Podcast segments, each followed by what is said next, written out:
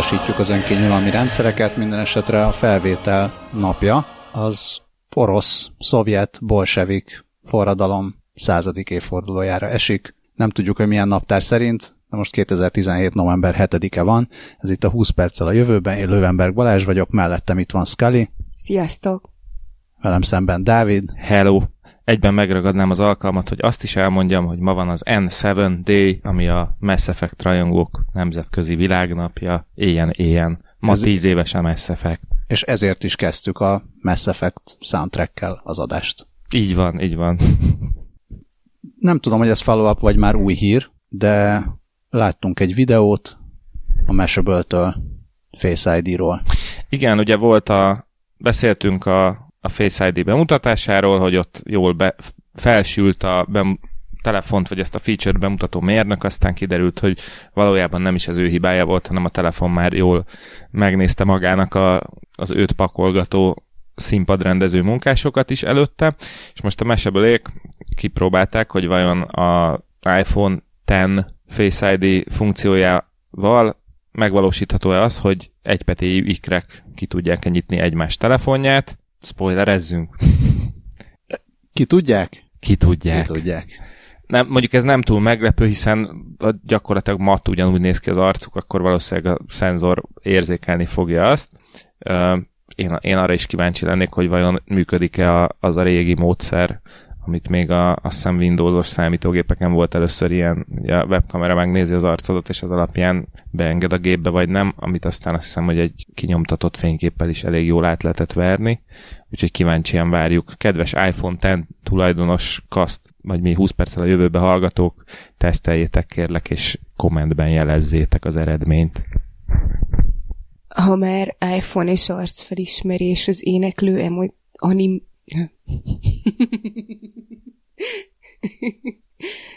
ha már iPhone és arcfelismerés, az éneklő emotikonokat láttátok? Én még szerencsére nem. Akkor mindenképpen nézzétek meg a HVG írt róla cikket, meg hát biztos, hogy csomó helyen megjelent, hogy ugye vannak ezek az animálható emotikonok, ami az egyik óriási feature volt így az iPhone 10-ben, Ö, és ö, amikor erről dumáltunk, én már akkor is mondtam, hogy azt nem értem, hogy hogy hogy jön egy ilyen ötlet, de most már rájöttem, hogy biztos onnan jött, hogy így valaki azt szerette volna, hogy egy kaki emotikon énekelje a Despacito-t, ugyanis pontosan ezt csinálta meg valaki. Despacito. Én csak azt hallottam erről, de nem néztem meg még, meg nem is csináltam, de azt hallottam róla, hogy remek családi szórakozás. Animo, animoji karaokézni? Igen, animoji karaokézni. És azt hirtelen nem is néztem még meg, hogy ezt lehet egyszerűen csinálni, vagy kell hozzá valamiféle animációs tudás. Tudtok erről valamit? Nem, sajnos ilyen mélyen nem mentem bele, de akkor a következő adásra megnézzük, sőt, a kedvenc számaidat elő is adjuk. Szeriőz újságírás. Bocs, nem gondoltam, hogy annyi van a témában, hogy, hogy mélyebben utána nézzek. És nincs is annyi, és nem is nézünk mélyebben utána, hanem inkább, ha már arról beszélünk, hogy a ikrek össze tudják zavarni, vagy hát nem tudják összezavarni, hanem nagyon jól tudják használni a Face ID-t. Egymás Face ID-et is. Feature, viszont a képfelismerő algoritmusokat meg jól össze lehet zavarni, nagyon könnyen. Igen, nem is kell hozzá sok minden, egy darab jól helyezett pixelre van mindössze szükség, ahogy azt a Kyushu Egyetem 3 kutatója ö, jól kikutatta. A, vagyis egy, egyetlen pixellel könnyű átverni a mesterséges intelligencia alapú hát, image classifiernek a magyar megfelelőjén gondolkodom, de mondjuk, hogy képfelismerő algoritmus, és akkor ez kicsit egyszerűsítettünk a dolgon, de mindenki érti, hogy miről beszélünk. Hát olyan képfelismerő algoritmus, ami osztályokba sorolja, tehát az szerint, hogy mit lát, hol, hol milyen pixelek vannak, az szerint a, az előre megtanult osztályok valamelyikébe besorolja a képet. Tehát azt mondja, hogy ez a leginkább hajóhoz hasonlít, mert leginkább ahhoz hasonlít, amit eddig én hajónak, hajónak ismertem. ismertem, ez cicának, az meg dinoszaurusznak. Igen, és a kutatás egy szélesebb kutatási területnek egy része, aminek gyönyörű neve van, úgy hívják, hogy Adversarial Perturbation, aminek a, az a lényege, hogy a különböző ilyen gépi tanulási modelleket hogyan tudják megzavarni. Ugye nyilván ennek hosszú távon az lesz az eredménye, hogy hatékonyabb és hibatűrőbb ö, ilyen modellek jönnek létre. Viszont én gyorsan megnéztem, mert én szerintem ez a perturbation ez egy elírás, és. Eléggé úgy, tón, igen, eléggé úgy tűnik, hogy ez Igen, nekem is gyanús volt, de mondom... kicsit perturbált ez, hogy itt láttam. Uh, igen, és azt írták a Boeing Boeing szerkesztői, hogy a kutatók egy, három és öt darab pixellel uh, próbálkoztak uh, azzal, hogy, a, hogy az ilyen uh, image classifierek többségét mm, meg tudják-e zavarni, anélkül, hogy hozzáférnének-e magához, az, magukhoz az adatokhoz, amiket a, ez az algoritmus használ, ezt ilyen úgynevezett black box támadási módnak hívják. És hát igen, sikerrel jártak. A egyetlen pixellel 73, a képek 73,8%-át meg lehet tehát annyira zavarni, illetve az algoritmusokat meg lehetett annyira zavarni, hogy egy vagy több ilyen, ilyen osztályzási osztályt tévedtek. A 3, illetve az 5 pixeles megoldásnál 82, illetve 87,3% volt a, a hiba arány akkor mondhatni egyetlen pixel az ember könnyen viccel. Így. Um, Itt ez a, érdekes ez, a, ez az adversarial perturbation, vagy perturbáció, nem tudom, ellenséges perturbáció? ellenséges megzavargatás. Igen.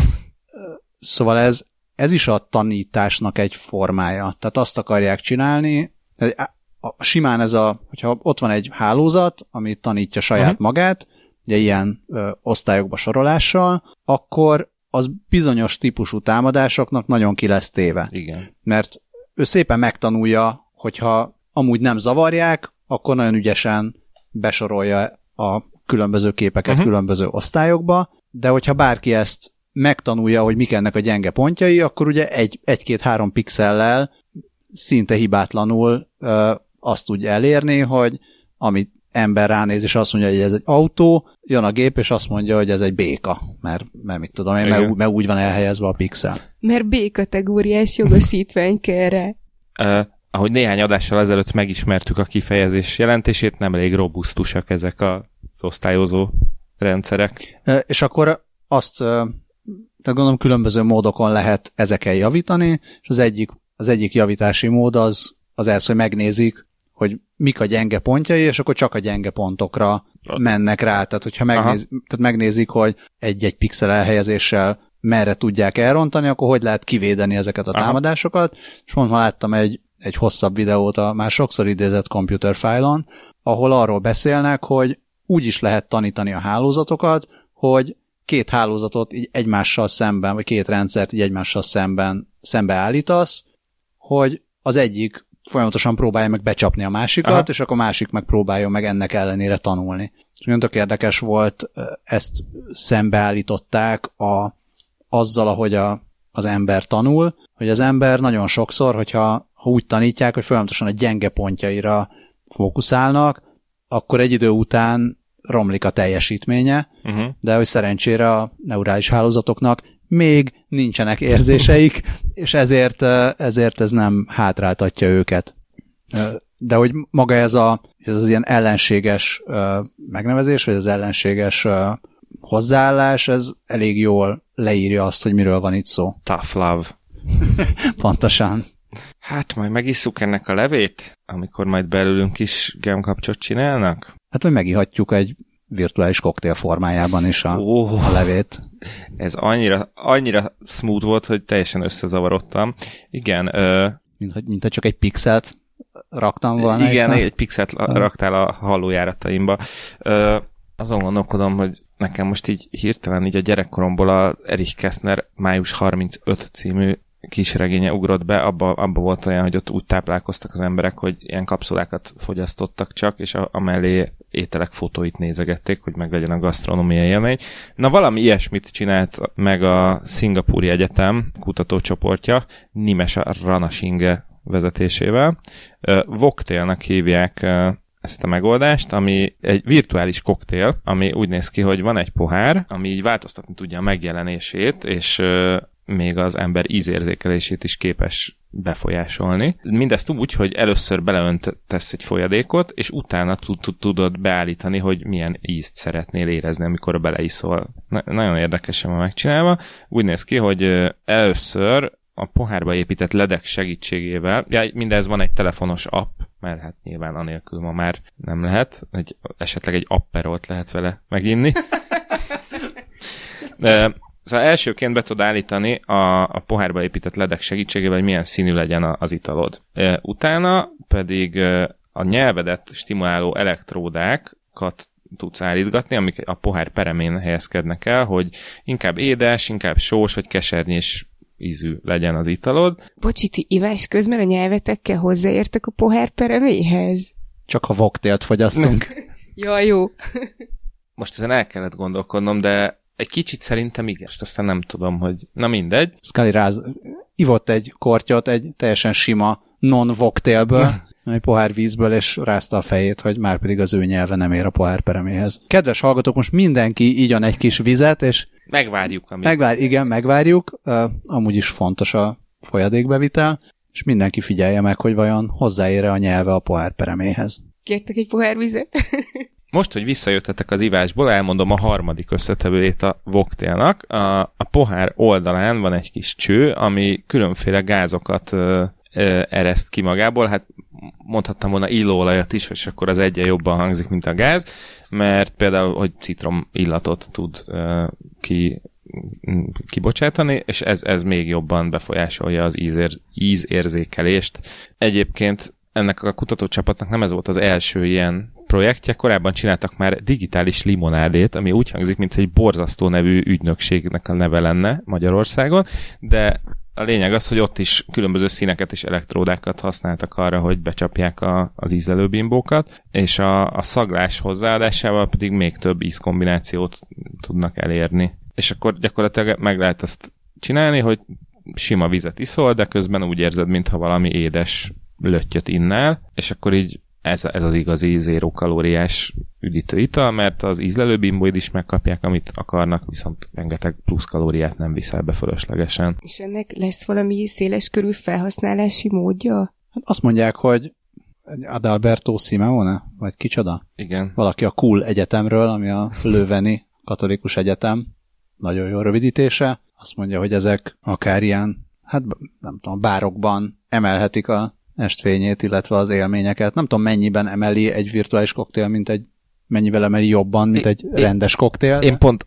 Hát, és mennyivel könnyebb begyinázni. Én, én pont azon gondolkodtam, hogy valószínűleg Adalberto Simeone a Löveni Katolikus Egyetemről nem, nem biztos, hogy a legjobb forrás, a leghitelesebb forrás a bárok social, társadalmi élményeinek a szondázása céljából, de ne legyünk szőrszál has, hasogatóak. Még annyit kell elmondanom, hogy a termék nevéről az jutott eszembe, hogy a, hogy a Star Wars-ban a kis szőrös állatoknak a farkát hívhatják evoktélnek. Nekem a voktélről a jó barátokban a mocsaláda jutott eszembe, hogy ez nem abba volt? Nem mindig keverem a jó barátokat, meg a Seinfeldet, mert a jó barátokban szerintem megcsináltak majdnem minden point, ami a Seinfeld már korábban megvolt, de valamelyikben volt valami ilyesmi, hogy álcsokoládét hoztak létre, és az volt a mokalet. Aha, nem, nem, nem. Én, én viszont annyira régen láttam jó barátokat, hogy nekem már így megkoptak az emlékeim róla. Fiatalabb hallgatóink pedig nem is fogják érteni, hogy mi ez, de nem baj. Na de miután kiszórakoztuk magunkat a bárban, irány a munka világa, avagy magyar siker, jó ember, Wired számolt be róla, hogy a Prezi nagy újítást mutatott be, mégpedig augmented reality-vel turbozzák tovább a nagyon látványos preziket. Um, És azt AR Vai Péter mondtál. AR Vai. Kedves Péter, amennyiben hallgatott, szeretettel várunk egy adásba valamikor. Egy voktélre? Egy voktélre, igen. Egyrészt tök menő uh, olvasni egy magyar cégről a Wired oldalain, főleg, hogy a külföldi felhasználóknak nem feltétlenül annyira van a szemük előtt a prezi, és tök jó volt így olvasni, hogy tényleg me- mekkora sikereket értek el.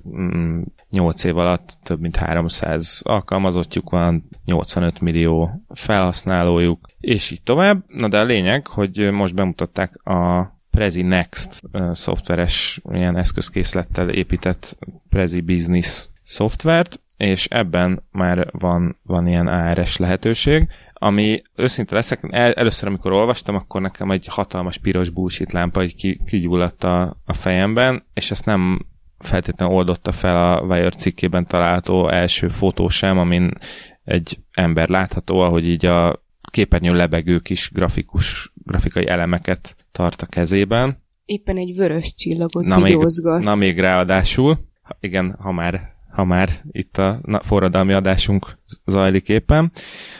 Viszont Árvai Péter elmondta, hogy mégis mire, mire meg hogyan le, hogy lesz jó ez az egész. Például akkor, hogyha remote-ban prezentál valakit, Skype-on vagy ilyesmin keresztül, akkor a, akkor egy, vagy, vagy elvész a jó vizuális design, vagy elvész az, hogy te órákon át gyakoroltad a tükör előtt a, a megfelelő testbeszédet, kézmozdulatokat és minden egyebet. Hát eddig ez ilyen megosztott képernyőkön bírt menni. Igen, viszont azért az, az olyan, olyan, nekem az mindig olyan kicsit bénácska volt, hogy ott az egyik ablakban pörgött, pörgött a prezi, a másikban meg volt egy beszélő ember, aki igazából sokat nem tett hozzá a dologhoz. Na és ezen e, lehet most ezt a kettőt vonták most össze, tehát gyakorlatilag most úgy néz ki a dolog, hogy úgy lehet prezizni, hogy az élő kameraképen egyszer csak, nem tudom, a két ujjat között kinyitod a legújabb grafikont, vagy, vagy pálycsártot, aztán belezúmolsz, és így tovább. Szóval ezt, ezt tudja a dolog. Nagyon nem boncolgatnám én ezt tovább, igazából a magyar érintettség okán gondoltam, hogy, be, hogy beszéljünk róla egy kicsit. Nagyon kíváncsi vagyok, hogy ez, ez mennyire fog elterjedni, és, és mennyire válik be, mert, mert első körben azt a Wiredek is írják, hogy a, a grafika az ilyen rajzfilmes helyenként kicsit cheesy is akár. Úgyhogy hát így ennyi elsőre. Nem tudom, ti mit gondoltok az AR prezikről. Én most gyorsan, én azt remélem, hogy Árvai Péter ugye meghallotta az ajánlatot, és rögtön befejezte a podcast hallgatást, és már keresi a naptárába, hogy mikor tudna egy voktérre csatlakozni hozzánk, és ezt már nem hallja, de nekem a prezi valahogy mindig olyan volt, hogy amennyi idő beletanulni rendesen a prezibe, és megcsinálni egy jó prezit, tehát amennyi idő meg munka ebbe belekerül, hogy ez tényleg szép legyen, és ne csak egy ilyen alap bénaság. Uh-huh. Annyi idő alatt egy animátor megcsinál egy jó animációt. Én ezzel szóval, egy kicsit vitatkoznék, mert én dolgoztam olyan munkahelyen, ahol, ahol kitalálta a főnök, hogy, hogy hát itt rakjunk össze valami prezentációt a befektetőknek, de, de ne, ne PowerPoint-tal bóckodjunk, hanem hát ott a prezés az olyan szexi, és akkor ja, és, és ott én megnyertem a feladatot, hogy akkor mehetek ezt összeállítani. Én előtte az életben nem használtam a prezit soha, így láttam, hogy van, köszönjük szépen, ezt ennyi volt, és akkor leültem, hogy te jó atya úristen, mit fogok én ezzel szívni, és ahhoz képest szerintem meglepően gyorsan el lehet jutni egy használható felhasználói szintig benne, és nekem az tényleg tetszett benne, hogy, hogy tényleg amikor már pókáló nő a szemgolyódra a 27. slide után, amin ugyanúgy bullet pointok vannak, meg ugyanaz a három internetről loptam pixeles képet, és az jó lesz, ahhoz képest ilyen nekem tök üdítő volt, hogy, hogy tényleg akkor ott így zoomol, meg pörög, forog, nem tudom mi. Nyilván egy ugyanaz a izé, prezi bullshit van benne, már most így a uh-huh. adott prezentáció tartalmától függetlenül, de mégiscsak egy üdítő változatosság szerintem, meg egy jó pofa ötlet. Szóval... Meg abban igazad van, hogy ö, valaki, aki ért az animációhoz, összerak egy animációt, de mondjuk, hogyha nincs egy olyan ember, viszont a prezi használata, ö, vagy az, hogy megtanult használni a prezit, az nem tölik annyi időbe, mint amennyi idő alatt valami animációs szaktudást szerzel. Hát meg arról nem beszélve, hogy ezt tényleg bele tud tanulni a gyakornok is, és nem kell Igen, egy animátornak n százezer forintot kifizetni. Igen, ezt szerettem volna Bocsánat. megfogalmazni, csak te újságíró vagy, neked sikerült. Jó, nem, nem, nem, nem fikázni akartam a prezit, nem is fikáztam, csak, csak annyi valahogy szóval azt nem érzem benne, hogy ez egy óriás nagy áttörés lenne, hogy tehát nem, azt ami, én érzem, ami, hogy mondjuk, ami mondjuk egy jobb prezentációs eszköz lenne, uh-huh. mint akár a, a, a hagyományos ilyen PowerPoint vagy Keynote. Tehát azt érzem, hogy valami más, tehát egy valami kis frissebb, hogyha valamit szeretnél egy jó első benyomást tenni, akkor összeraksz egy prezit, és aki még nem látta a prezit, az nézi, hogy hú, animációs, meg bezumolsz, meg kizumolsz, hogyha az ember már látott 10 prezit, és oda viszel neki egy prezit, akkor egy csomószor, Ugyanaz hogyha a... nincs, egy, nincs egy koncepció, hogy ezt hogy csinálod meg, meg hogy viszed végig, akkor azért ezt több idő összerakni, bonyibb, és néha, néha tud zavaró is lenni, tehát nem érzem benne azt, hogy ez képes lenne kiváltani a meglévő unalmas Igen, prezentációs aha. eszközöket, ilyen tök jó kis alternatíva. Igen, ebbe, ebbe, ebbe egyébként igazad van. Tehát, ebbe tehát a, nagy duran, a nagy duranást azt Aha. én soha nem láttam benne, tökre örülök, hogy sikeres. Látom ezt, amit mondasz, hogy igen, amikor azt mondja, a, azt mondjuk, hogy jó, akkor most az ügyfél ilyet még nem látott, akkor most mutassunk neki egy ilyet, vagy hogyha van egy, te van egy koncepció a fejedben, amihez amit ezzel lehet megcsinálni, és mondjuk nincs animációs kapacitás, akkor, akkor lehet ügyes dolgokat csinálni. Ebben tök igazad van, szóval ebben teljesen egyetértünk az, úgy az egészben, mint mondtál. És, a, és azt, hogy lesz benne egy AR kapacitás, abba is ezt érzem. Aha, igen, hogy ez, igen. ez jó lesz jó lesz így egyszer, izé, de hogy, hogy ez lenne majd a, a jövő. Szerintem ez ugyanúgy, ugyanúgy így félreviszi a dolgokat, és igazából a legjobb az, hogyha nem kell néznem egy embert, aki mutogat. E- ebbe is egyetértünk, de, de egyrészt vannak emberek, akik szeretnek embereket nézni, hogy mutogatnak. Ez, bár ez, ez, ez, ez nagyon bizarrul hangzik, ezt belátom. Igen, pont ez jutott eszembe, hogy, hogy ezek biztos nem azok a nők, akik sötétben sétálnak egy által kihalt parkon egyedül. Viszont én azt is gondolom, hogy majd az a nagy áttörés, szerintem, ami, ami, amiről Balázs beszélt, ez majd akkor fog eljönni, hogyha megjelennek az ilyen szabadon lebegő hologramok, vagy tehát az ezeket kivetítő cuccok, és ahogy ezt elnézem, a Prezinek ezt a, legalábbis ezeket a koncepcióit, hogyha az megvalósul, akkor igazából ezt nem lesz olyan nehéz arra adaptálni. Most valószínűleg kicsit sokat ugrottam fejben a, egyszerű wired hírtől az Obi-Wan Kenobis hologramokig, de innen is üzenni Márvai Péternek, hogyha ez megvalósul, akkor jelentkeznek. Getonit. A, egyrészt getonit, másrészt meg a százalékon progresszíve, az majd akkor jöhet a megfelelő offshore bankszámlákra. Hát meg már van a holografikus, vagy hologramos telefon. Tényleg. A Red, tehát mert lehet, hogy arra írják igazából. De persze az is igaz, hogy nem kell folyton csak augmentálni azt a valóságot.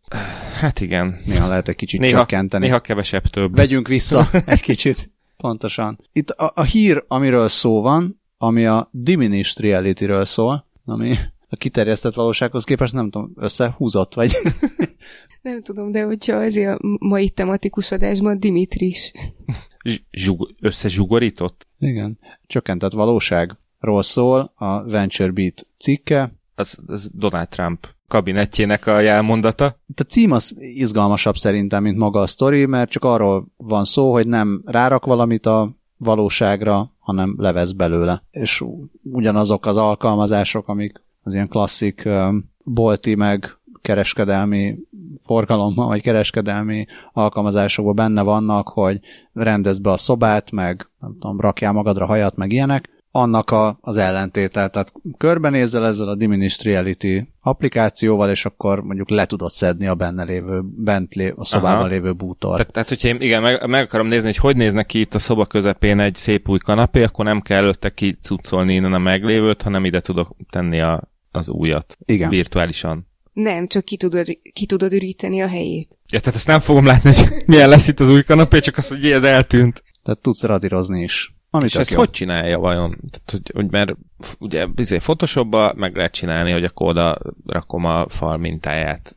Hát gondolom azt csinálja, hogy megnézi a környékét, és akkor kipótolja aha, aha. valahogy. Hát végülis ez is a kommunizmushoz és a bolsevik diktatúrákhoz eléggé illeszkedik ez a téma, tehát a rendszerben már nem illeszkedő személyeket ugye ki lehet szedni a fotókról. Szerintem ez nagyon jó alkalmazás lett volna. Hát meg ugye a hiánygazdaság is, tehát eltünteted a polcokról a termékeket. Ezt még régebben kézművesen kellett megoldani, most pedig már egyszerű applikációk azt mondják, hogy körülbelül a következő ilyen egy-másfél évben megjelenhetnek ezek, a, ezek az appok. És bocsánat, még azt szeretném mondani, hogy a cikket Beck Beszekker írta, aki a Mark Szent nevű cég a CEO-ja. Hát, magától íródik az epizód. Nagyon szép. Mark szentimentális érzések tolulnak fel bennünk. Egyébként én egy ilyet tényleg tök szívesen használnék vásárláshoz, mert ugye meséltem, hogy nem ehetek cukrot, meg fehérlisztet, tehát a boltokban kapható cuccoknak 90%-a az nem jó nekem. És tök jó lenne egy olyan app, amivel csak így bemegyek, és így egyből csak azokat a termékeket látom, amiket én is megehetek. Nem kell végignéznem 82 zét tejcsokit, mire megtalálom a cukormentest. hirtelen azt hittem, hogy azt szeretnéd, hogy az app az vonja ki a cukrot a termékekből. Én, én is pont ugyanezt gondoltam. Az, az több, mint egy másfél év, de bizonyára az is jön majd. Ja, nem, nekem elég, a látóteremből kivonja. De mo- most, hogy mondod, hajrá, Mark Szent. Akkor már csak egy business kell találniuk. Hát szerintem a diminished reality appokat azt igazán reklámozhatnák celebekkel is. De nem igaziak. A- akár igaziakkal, akár, akár nem igaziakkal. Igen, az elmúlt idők egyik legijesztőbb ö, képeket generál az AI típusú tartalmát közölte az Engadget még múlt héten. Az Nvidia, ugye grafikus kártyákat gyártó cég, grafikus kártyákat és bitcoin bányagépeket gyártó cég, ö, nemrég kiadott egy ö, ilyen kutatási mm, Tanulmány. tanulmányt, köszönöm szépen, ahol a, a pont az előbb említett ilyen adversarial technológiát alkalmazzák, vagyis hát egy generatív adversarial networköt, amelynek segítségével nagy felbontású fotókat hoztak létre kamu emberekről. Ezt a hálózatot egyébként már a Deep Dream-ben is használták, itt pedig azt csinálják, hogy két neurális hálózatot állítanak szembe egymással, és az egyik algoritmus képeket generál, míg a másik, az úgynevezett diszkriminátor algoritmus összehasonlítja ezeket a képeket a valós, valós, való világban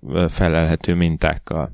Azt, azt írja az Engadget, hogy gyakorlatilag egy ilyen művészkritikus kol- kollaboráció érdemes elképzelni, na ezt csinálják a gépek. Viszont az Nvidia úgy egy olyan csavart tett ebbe a dologba, még egy, egy ilyen progresszív módszert alkalmaztak, hogy alacsony felbontású képekkel kezdték ezeket a hálózatokat mm, tréningezni, és onnan lépkedtek felfelé az egyre nagyobb felbontásra. Mindehez pedig egy ilyen híres embereket, híres emberekkel foglalkozó fotós adatbázist használtak, és ebből jöttek létre olyan képek, amik ilyen, ilyen uncanny valley módon félelmetesek. Van is, van is egy videó hozzá, ahol meg lehet nézni ezeket a képeket. Mindegyik egy kicsit olyan, nyilván a fotóknak a beállítása, a bevilágítás, meg az egyebek miatt is, hogy ez a hú, miben láttam én ezt az embert? És ezt nézed, nézed, és, és úgy van benne egy kicsi, nem tudom, Kim Kardashian, egy kicsi Madonna, a férfiaknál egy kis Chris Pratt, egy kis, nem tudom,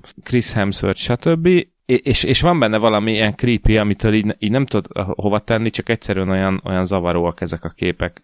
Nyilván, mert sokszor olyan dolgok keverednek össze, hogy, hogy a különböző népcsoportokra jellemző, nem tudom, olyan a szeme, olyan az arcformája, és akkor amikor ezek úgy állnak össze, ahogy nem szokta meg a szemed, akkor kezdesz egy kicsit furán nézni, hogy itt most mi van. De annyira hiteles, hihetőek ezek a képek, hogy egyébként, hogyha leraknád, leraknák eléd bármelyiket, hogy ezt az ausztrál színészt ismered, és akkor így néznél, hogy hát nem, nem láttam, miben játszott. Igen, pont, pontosan ugyanerről, a, ugyan, vagy ugyanarról a neurális hálózat, ilyen tanulási módszerről, vagy, vagy megközelítésről van szó, amiről az előbb is beszéltünk, úgyhogy akkor mégiscsak belinkelem azt a, azt a 20 perces computer file videót, ahol elég jól elmagyarázzák, hogy hogy működik ez a művész és kritikus uh-huh. szerepben lévő két hálózat, és nagyon jól kijön belőle, hogy mennyi, mi, mennyiben jobb ez, vagy mennyiben más ez, mint az a, mint az, az osztályozó uh-huh. algoritmus, vagy osztályozó hálózat, hogy az osztályozó hálózat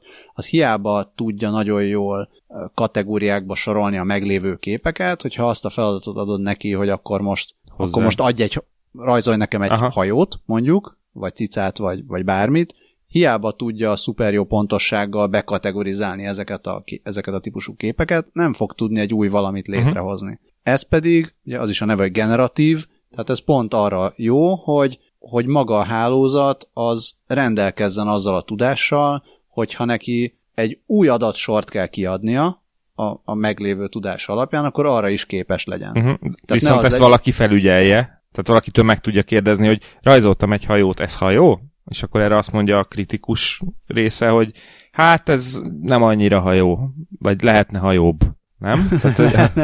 akkor jó hajó. De most inkább nem válaszolok, mert nem pontosan értem se a kérdése, se, se ezt, amit válaszolnék rá. Ne kvantumozzuk el, úgy, úgy, ne, ugye igen, ezt? Igen, ezt most ne kvantumozzuk. Nem, mert ugye, ugye ez a, a, az osztályokba soroló, az ugye azt mondod neki, hogy ö, kérek, egy, kérek egy celebet, akkor elő tudja adni a valamelyik celeb képet, amin tanult. Uh-huh. De hogyha azt mondod, hogy akkor most generálj nekem egy celebet, akkor arra nem képes, aha, mert, aha. mert nem tud nem tud ilyen körülbelüli választ adni. Aha. Nem tud teljesen új adatsort adni. Ez meg tud, és ráadásul creepy videókat is tud adni, amikor fokozatosan alakulnak át. Itt aztán később ilyenek is vannak, hogy mondjuk épületek alakulnak át egymásba, tehát a Pizai Ferdetorony hogy alakul át fokozatosan a Igen. Empire State Buildingbe, meg az autó fokozatosan átalakult trolliba. Szóval a, a, a, az viccesek. madarak alakulnak egymásba, az is megér egy misét, Hitchcock megnyalná mind a tíz ujját. Én az érdekel, hogy ezeket a celebeket is zaklatták az amerikai producerek, mert ha igen, akkor lehet, hogy van számukra egy megoldás. Még nem, de már intézik. Nagyon szép. A, beszéltünk arról korábban, hogy a virtuális valóság alkalmazásokat használják különböző traumák feldolgozására, vagy vagy előre ugye felkészülésre. A stressz helyzetekre, vagy a múltkor, múlt adásban arról beszéltünk, hogy az Ausztrál hadseregben használják a VR-t Igen. arra, hogy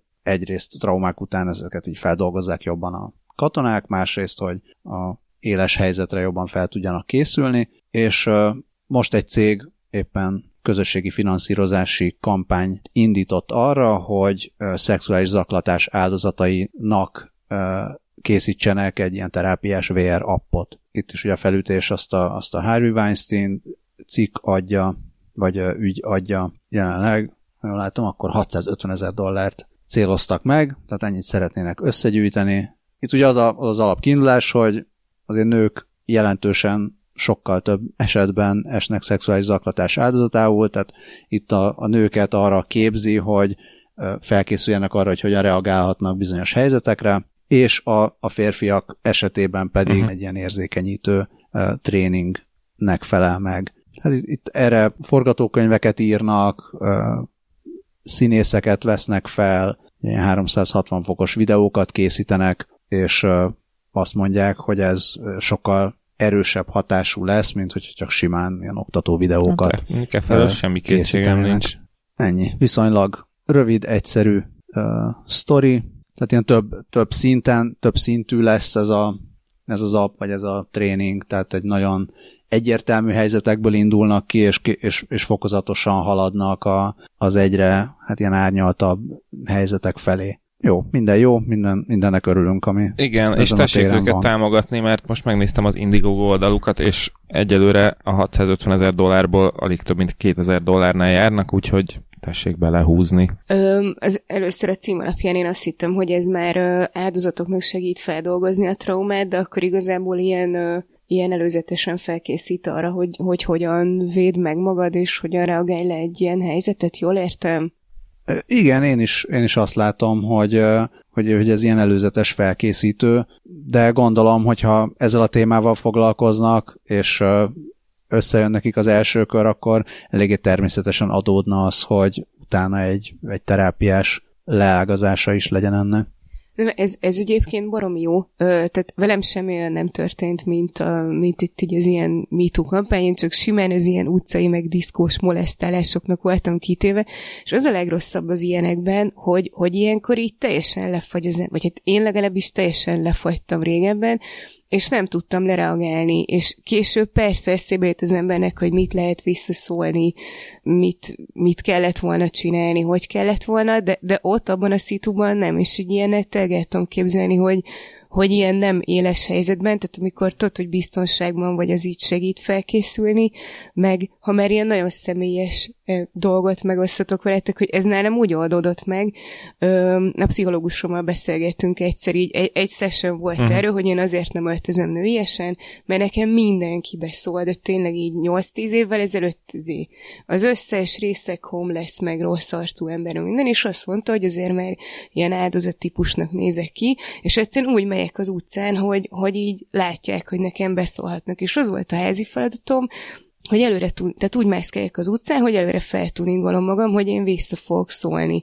És amikor úgy mész el a részek hajléktalan mellett, tehát nem úgy mész el, hogy így elsúnyogva, meg így jaj, azért inkább elbújjak az árnyékba, hanem úgy mentem el, hogy így néztem bele a hogy szóljál be, szóljál be, leüvöltelek, és az, nekem azóta így viszonylag keveset szóltak be, meg akkor is le tudtam reagálni, Úgyhogy, úgyhogy simán el tudom mm. képzelni, hogy, hogy egy ilyen működhet, és hogy, És hogy ez, ez még, még egy ilyen, még szimpatikusabb is, mint amikor így egyből egy éles helyzetben mész bele egy ilyen szitu, vagy egyből éles helyzetben kell azonnal megvédened magad, úgyhogy szerintem ez így elsőre furának tűnik, de hogyha belegondolok, szuper ötlet.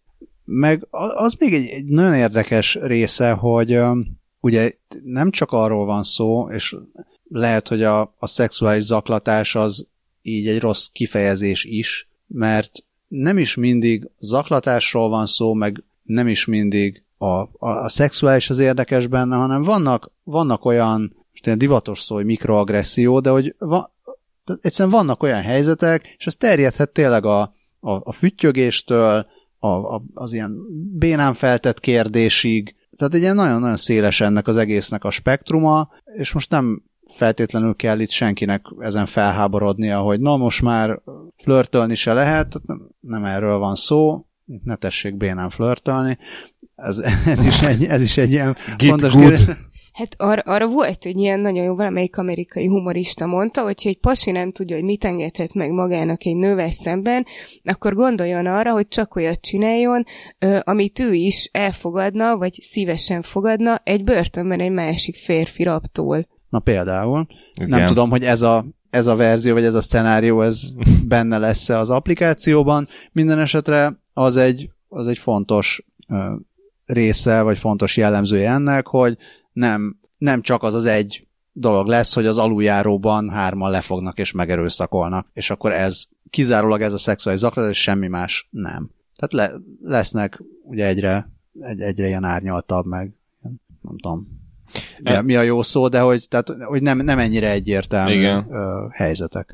Nekem most csak annyit ott teszem, ez egy még kapcsolódó dolog, mert az önvédelemről szól, csináltunk ilyen önvédelemmel foglalkozó anyagot, hogy hogyan véd meg magad, nem és, és ott is az van, hogy, hogy ennek a nagyon nagy része hát nem, nem ugyanez van, tehát az önvédelembe kapcsolatban az, hogy ennek, az önvédelemnek a nagyon nagy része fejben dől el, tehát hogyha úgy mész már akkor is, hogyha, hogyha mondjuk jön szembe veled valaki, vagy ne adj Isten, se, azt sejted, hogy ez olyan, mintha belém akarna kötni, vagy be akarna szólni, vagy akármi, sok esetben tényleg akár az is elég tud lenni, hogyha felveszed a szemkontaktust. Tehát ez a tudom, hogy tehát lát, látom, hogy, vagy látod, hogy látlak, e, ez egy csomó esetben elég lehet arra, hogy, hogy adjon egy ilyen védelmet, ne legyen rá senkinek szüksége, de szóval igen. Még ami fejben dől el, az intelligencia, az állítólag fejben dől el. Jó hosszú cikk a Wired-en, közepesen hosszú. A Google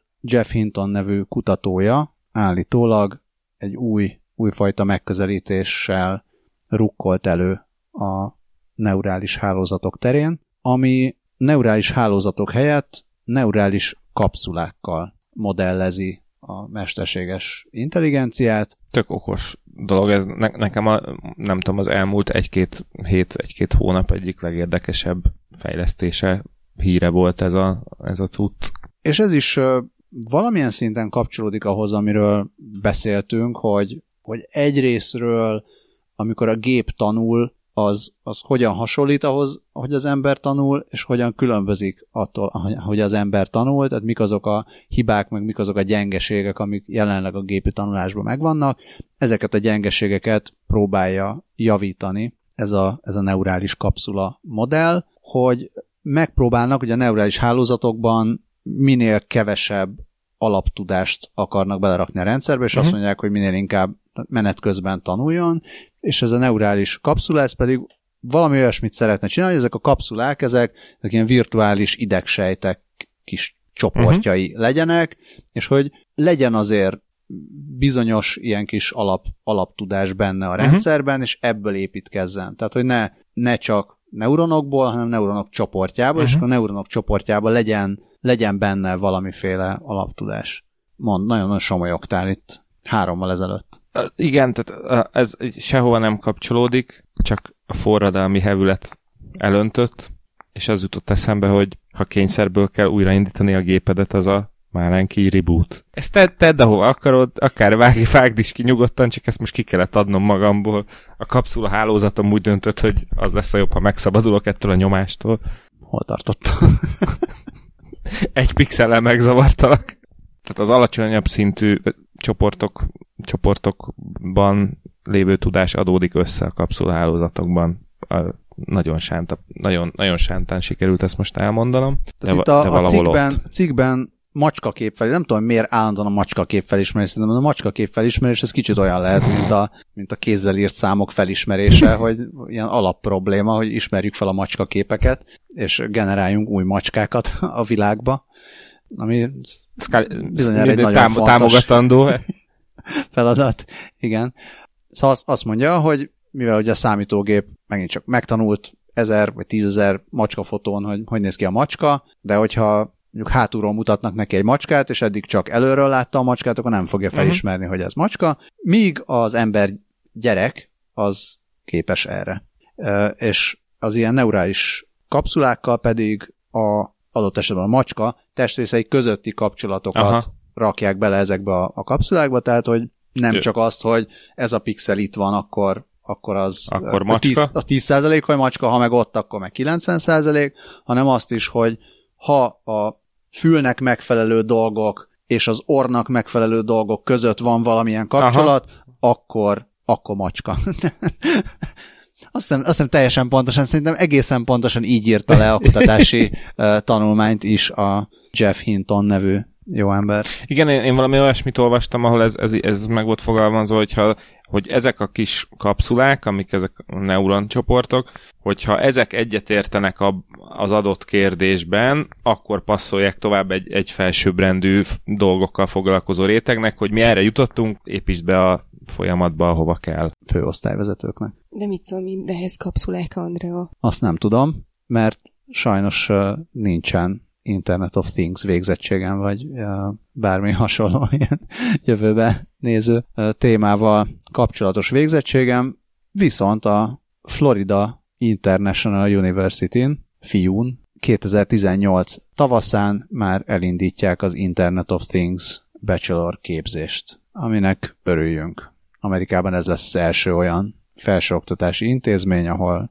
ilyen végzettséget lehet szerezni. És hogyha ez Magyarországon lenne, akkor már el is ad, adtam volna nekik azt a szlogent, hogy mert mi iót akarunk neked. De ez tök jó, ilyen soká. Kennedy G. Furton, a Florida University micsodája, rektora, dékánja. De van Kreml akkaja is, na majdnem Kreml.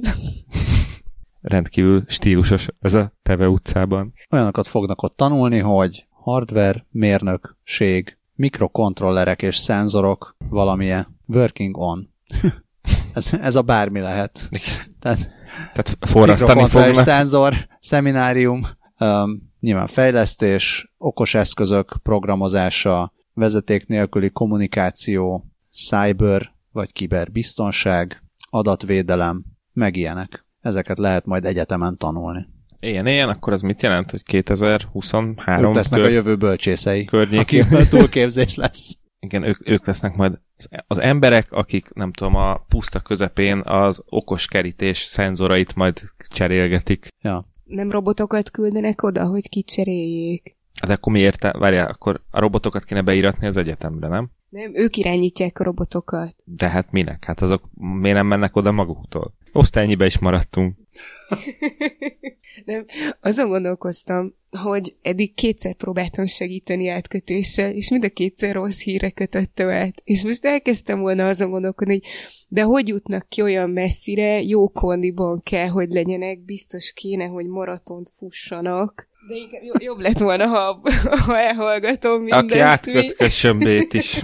Egyébként én, én közben még itt maradtam a Florida International University oldalán, és van ennek a hírnek egy komment szekciója, mint olyan, és itt például egy kedves nagymama már jelentkezett is, hogy a 17 éves onokája pont ez iránt, a terület iránt érdeklődik, úgyhogy ö, azt hiszem, hogy Jocelyn T. Juarez. Nagyon szép neve van. Igen, egyébként igen. Úgyhogy sok sikert kívánunk a kis Juárez unokának. Annyira jó lenne, hogyha majd a nem tudom, ezredik adásban megemlékeznénk arról, hogy a Google fő IoT kutatója, José Juárez, a Floridai Egyetem első, első bachelor képzésében igen. Hát, végzett IoT hát így, szakon. Így, így legyen ennek bizonyára Jocelyn nagymama is nagyon örülne. Na, szaladjunk tovább. Most, most én próbáltam meg átkötni a nem annyira viccesre, úgyhogy inkább ne, ja, hogy szaladjunk tovább. E, Bocs, csak itt vakon követem a linkeket azért. Neked legalább az megy.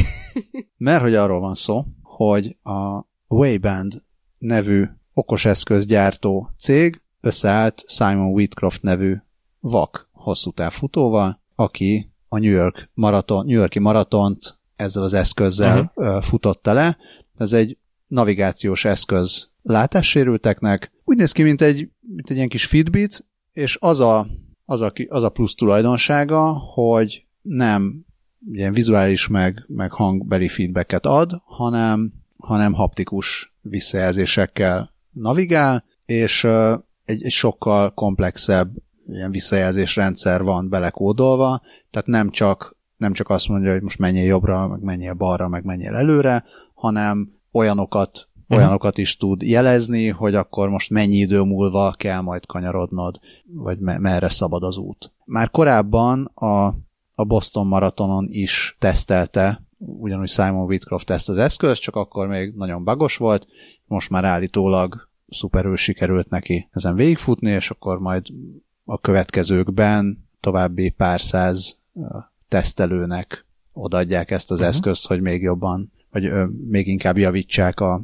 a működését. Először, először egy ö, még a maraton előtti cikket láttam, hogy, hogy ez a terv, és utána a Verge írt egy, egy nagyon hosszú TLDR cikket, nem hogyha valakit érdekelnek az emberi történetek és a hosszú küzdelmes élettörténetek nehézségekkel küzd meg, Simon Whitcroft végül mindent legyőz, és motivációs speaker lesz, és maratonokat lefutja, az olvassa el. Erről a navigációs eszközről egyébként az jutott eszembe, amit egyszer már említettünk itt az adásban, hogy csináltak egyszer egy ilyen kísérletet, amikor a, ami valószínűleg baromi idegesítő lehet első hallásra, e, e, azt csinálta egy fószer, sajnos nem emlékszem már, hogy ez ki volt, hol volt, mint volt, de előkeresem az internetből, ha szükséges.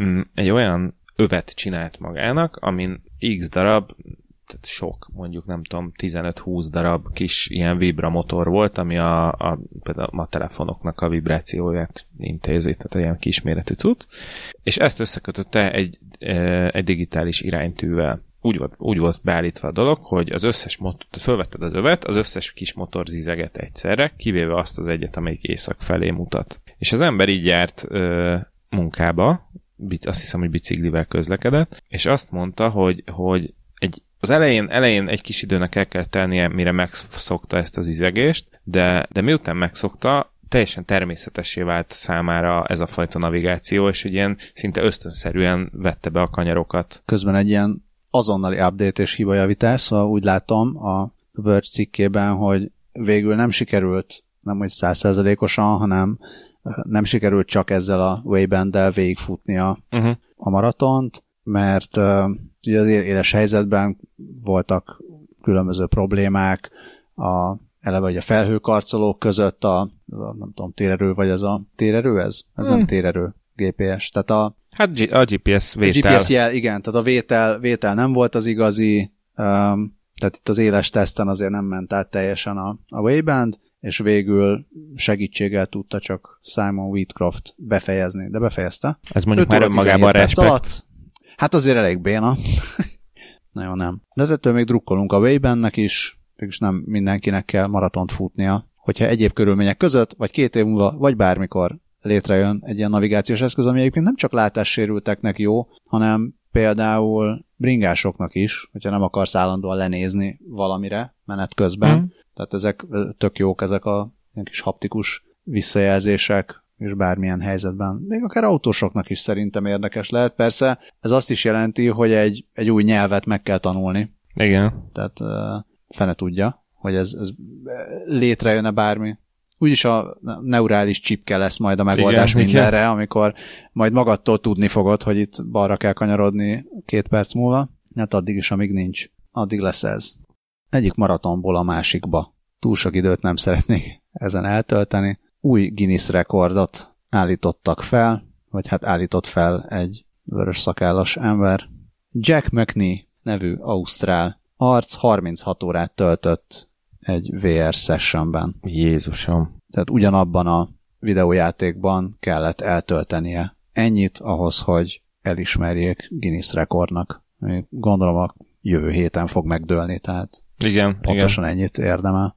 A teljesen nyilvánvaló kérdés, ami felmerül bennem, és esetleg át is vezethet a következő cikkre, hogy a WC-t hogy oldotta meg. Igen, azt írják, hogy kézzel etették, a másik irányról nem esik szó. Tegyük hozzá, hál' Istennek. És ez mondjuk festegető app lehetett, mert azt mondják, hogy ez a Tilt Brush a neve, igazából akár meg is nézhettem, milyen app, de igen, lehet benne festegetni. Úgyhogy ezt csinálta Jack McNee, festegetett, rajzolgatott, közben etették, és állítólag nem aludt. És rászoruló gyermekeknek gyűjtött közben pénzt nem volt semmi izgalmasabb játék, amivel kicsit jobban el tudtam volna ütni az időt, mert én azért nem játszom számítógépes játékokkal, mert függőségre hajlamos személyiség vagyok, és hogyha valamit elkezdek, akkor jó, hát 36 óránál hamarabb kiszállok Igen, belőle, ezt akartam mondani, hogy szerintem a világ legjobb játékát is rendesen meggyűlölnéd 36 óra folyamatos nyomás után. Hát még a Tilt Brush-t.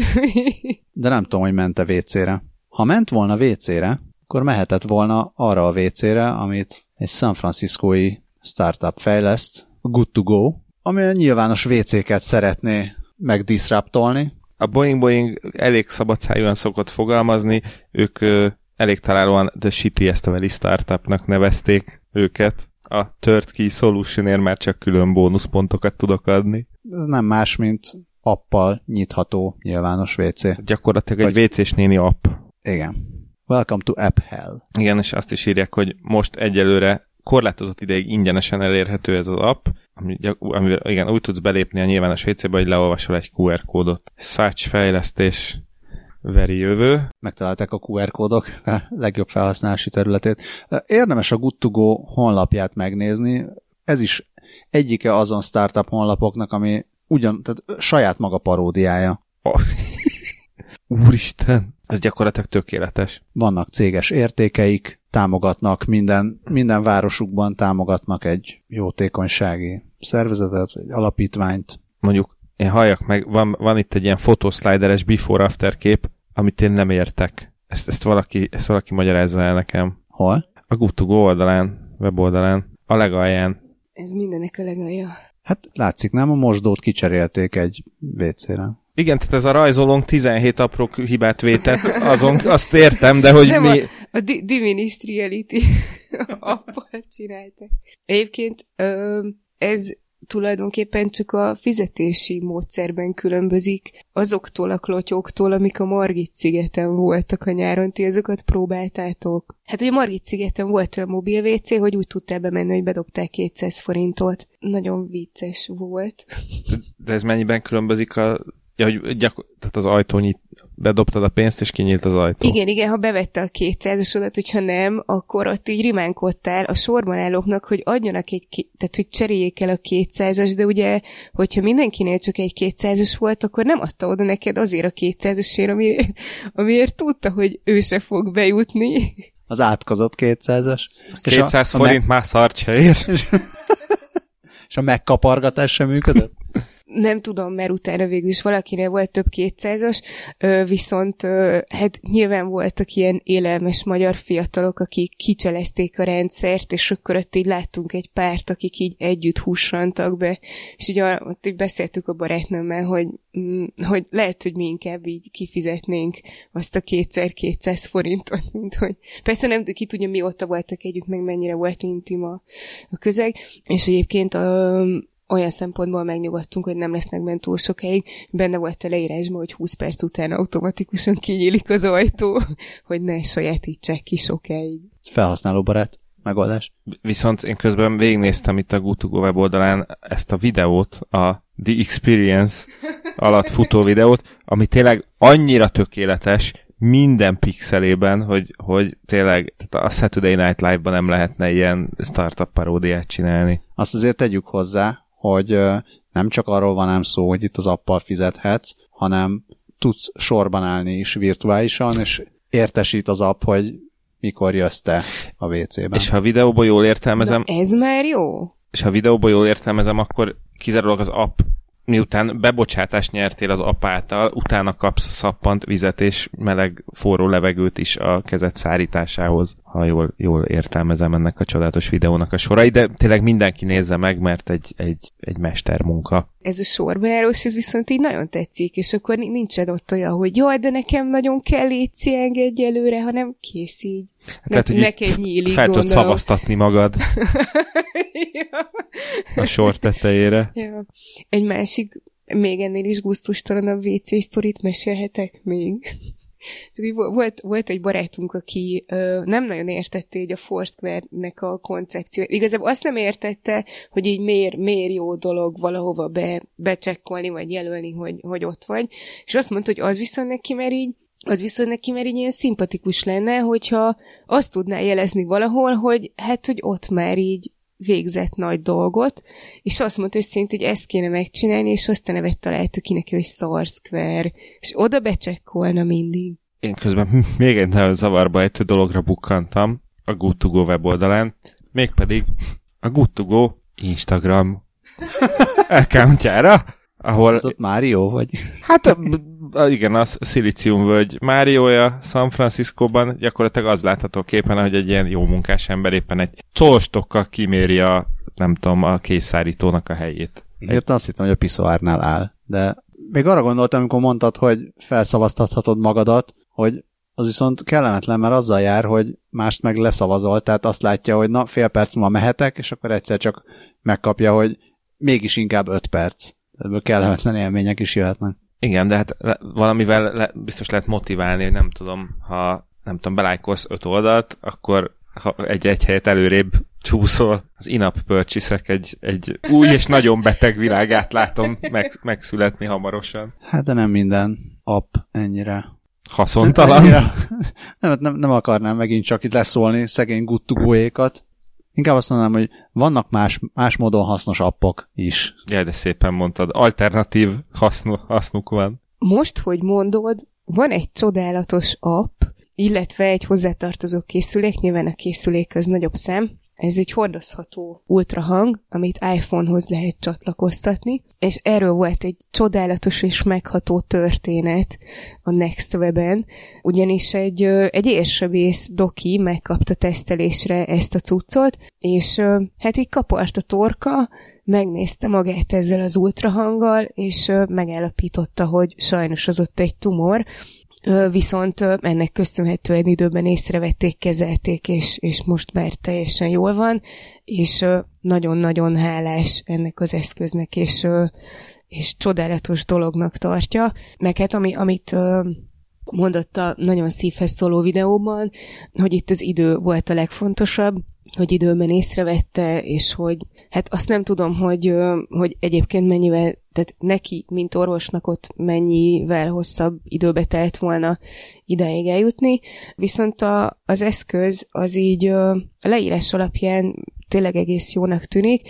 A NextWeb cikke szerint már az 1970-es évek óta vannak ilyen hordozható ultrahang készülékek, de mindegyik sokkal nagyobb volt ennél, ez egy kicsivel nagyobb, mint egy villanyborotva, és így elfér a, akár egy zsebben is. Hát a hordozható ultrahangkészüléket azt szerintem úgy képzeljük el, mint egy fénymásoló mikro, igen, vagy egy fénymásoló, tehát annyiban hordozható, hogy nem egy szobaméretű eszköz, de, de igen, tehát nem, nem úgy hordozható, mint ez, ami úgy néz ki kicsit, mint egy ilyen villanyborot, vagy belőle, belőle kilóg egy lightning kábel. Amit rádugsz az iPhone-ra, és egyből azonnal látod a képet. Egyébként ö, ö, videóban nyilatkozott pár orvos, és így azt mondták, hogy, hogy egész normális a felmontás, tehát hogy ugyanolyan, ugyanolyan jó, vagy akár még jobb is, mint az ilyen nagyobb hagyományos gépeken. És egyébként még azt írták a, a Nextweb-en a korábbi ilyen hordozható cuccokról, hogy hogy ilyen ö, speckó hardware kellett hozzá, sokkal drágább, meg ö,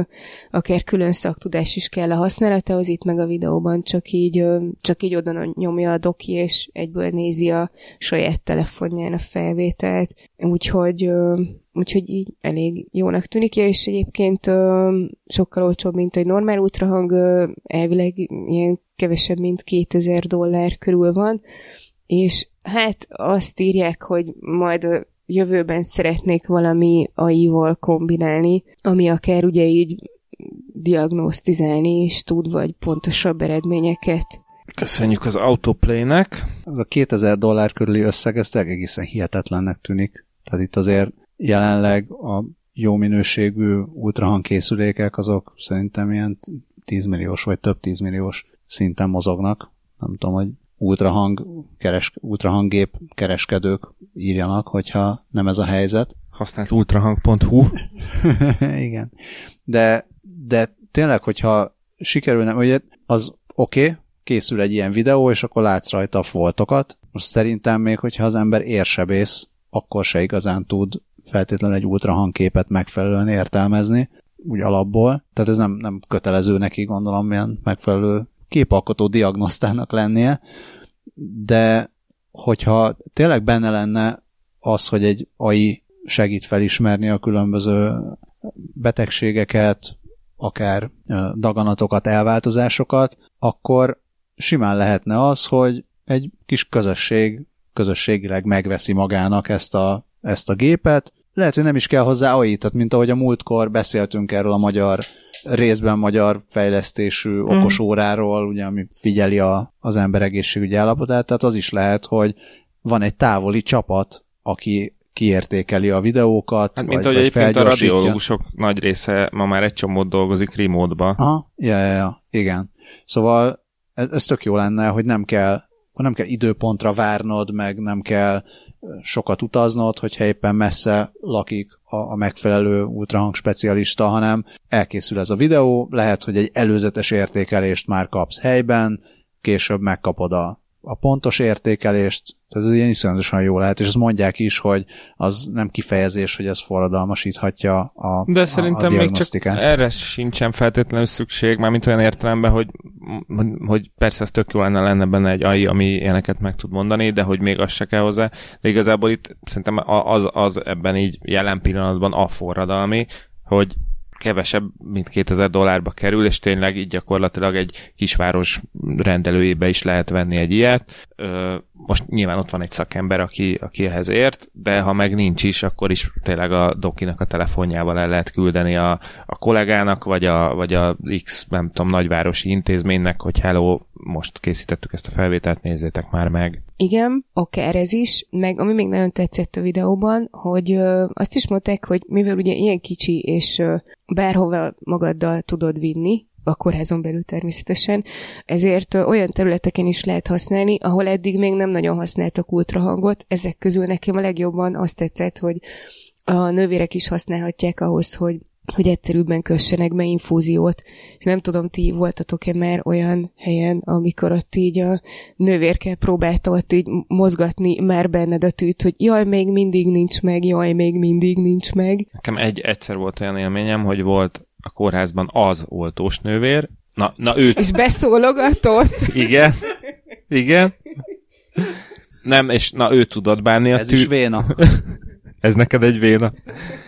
Na ő tudott bánni. Elég véna. Ő tudott bánni a tűvel, az összes többiek meg nem. És akkor, amikor ő jött, akkor mindenki örült, mert akkor nem fájt annyira. Nekem volt olyan vérvételkor, hogy így mondta a nővér, hogy jaj, nagyon rossz a vénem, meg zé.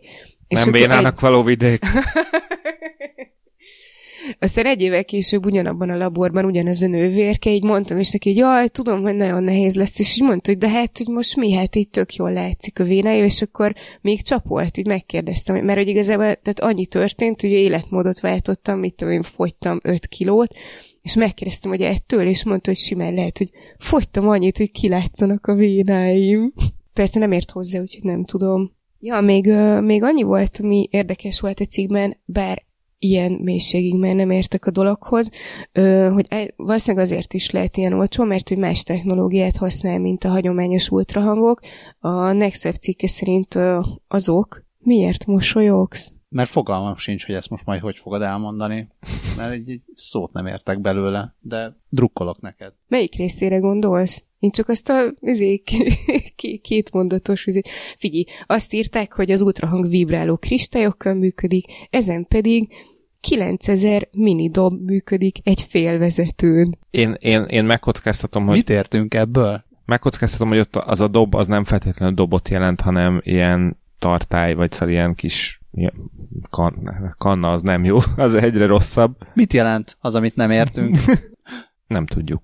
Lehet, hogy e- ez a lényeg, hogy egy szabadalmazott technológia, hogy ne tud le, nehogy lenyúlják a kínaiak, és akkor nehogy a, az AliExpress-en már 500 dollárért vegyél mobil ultrahangot. Nekem tetszik, hogy van 9000 aprócska dob Igen, egy félvezetőn. Az, az jól hangzik. Elképzelni nem tudom, de, de nagyon aranyosan hangzik. De nem akartunk senkit felvezetni ezzel a leírással. Köszönöm, hogy elmondhattam. Balázs teljesen tanácstalan, hogyan vezessük át ezt a hírt. Sem, jaj, igen, pedig már pont kerestem volna valami nyomós érvet. Mondd, a tiéd biztos jobb lesz. Nem, én csak arra gondoltam, hogyha megfelelő orvosi ellátásban részesülsz, akkor lesz sok HP-d. Ja, Istenem! Hát pedig HP-ból egy is elég, elég, nem? Most itt már kezdünk átcsúszni a mi ismerjük, de mások nem Ja. rovatba, úgyhogy maradjunk a szerepjátékok életerő pontjainál. Na jó. Szóval nagyon vicces, hogy felhoztad a HP-t, képzeld el, van egy hírem a HP-ről. Ők készítették az új nyomtatót a, a nemzetközi űrállomásra.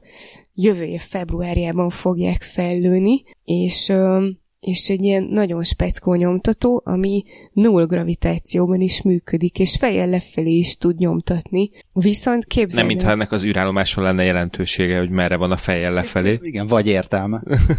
Ö, gondolom, hogy ez így a tesztek során fontos volt, hogy működjön.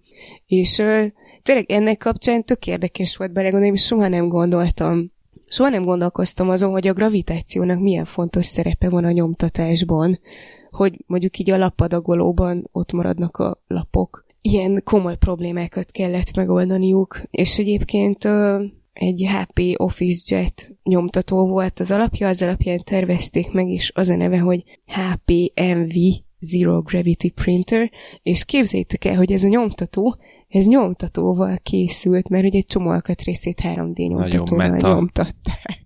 Bizony. Elképzelem, amint a nemzetközi űrállomáson jelzi, hogy kifogyott a magenta esték, és akkor mit csináljunk? Hát illetve a lo- load letter, illetve a paper jam hiba üzenetek tetszőleges kombinációi. Igen, érte biztos ti is láttátok már azt a, azt a fotót, amin így ö, egy nyomtató per fénymásoló látszik, és ö, körülötte ilyen iszonyatos nagy tinta paca volt, és hát én mit tudom én, két lábnyom kihagyva, tehát hogy ott valakivel valami nagyon komoly baleset történt.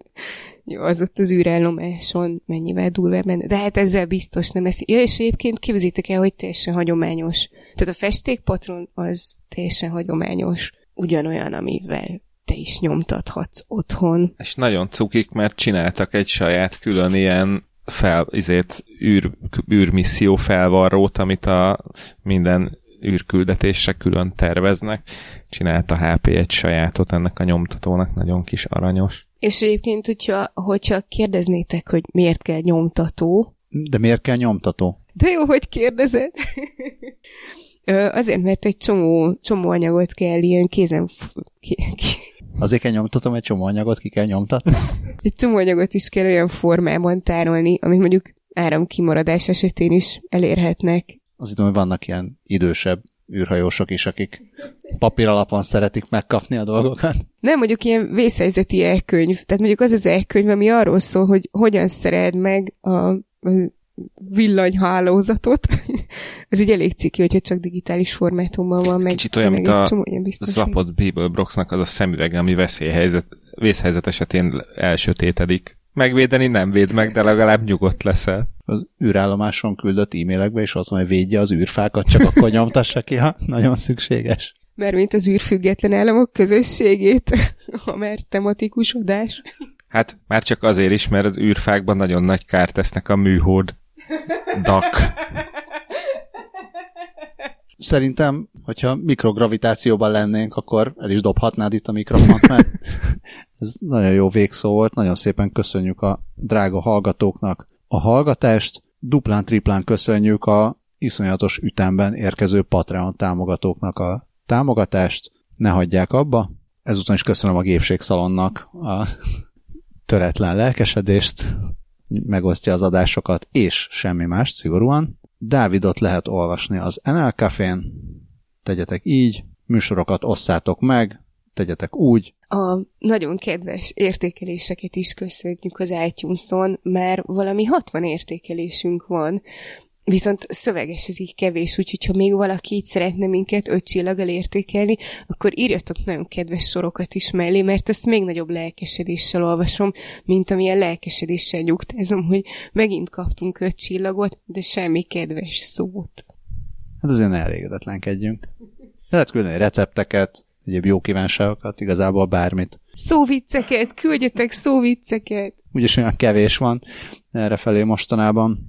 Szóval további kellemes novembert, éljen a szabadság, éljenek a nem tudom még. A műfák, a műhódak, az igaziak, mindenki, aki szárazon vagy nem szárazon ünnepli a novembert. A Mass Effect. A Mass Effect, abszolút. Az űrállomás az elég messzi. Hálaadás lesz, azt hiszem, nagyjából. Vagy hát ilyen hálaadás előtti napokra jön majd ki kb. ez az adás, vagy akkor lesz a következő adás. Igen. most csak próbálom kötni valamihez, ami egy fokkal boldogabb, mint a októberi szocialista forradalom. Novemberben van még apukám születésnapja, úgyhogy hát ennek akkor is lehet örülni. Ezúton. Boldog születésnapot, Andersen úr! Na, szevasztok! Sziasztok! Hello!